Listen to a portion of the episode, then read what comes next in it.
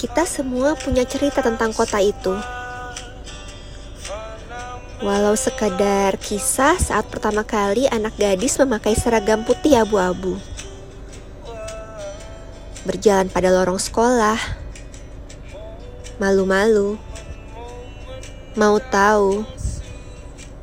Naif. Tapi perlahan destruktif.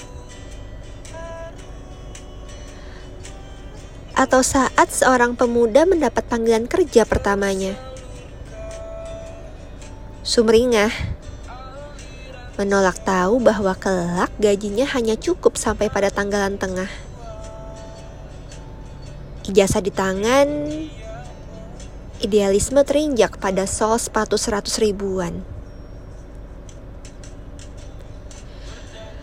Belum lagi kisah seorang ibu paruh baya yang baru saja ditinggal si sulung menikah meninggalkan rumah. Harusnya beliau bahagia. Namun yang ada hanya sesak tiap paginya.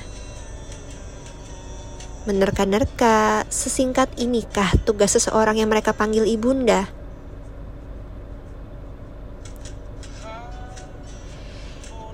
Kita semua punya cerita tentang kota itu mulai dari sekolah menengah swasta pada pojok Wastu Kencana, halte angkutan kota pada persimpangan Antapani, sampai rumah tua berpagar merah di sudut Astana Anyar. Manusia dan kota-kota. Kota-kota dan manusia. Bersinggungan. Berpelukan saling bergantungan, tapi saling meninggalkan.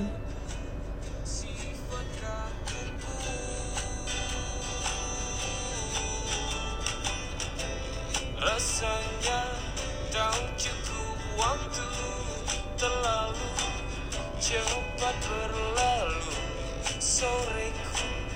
nyaman denganmu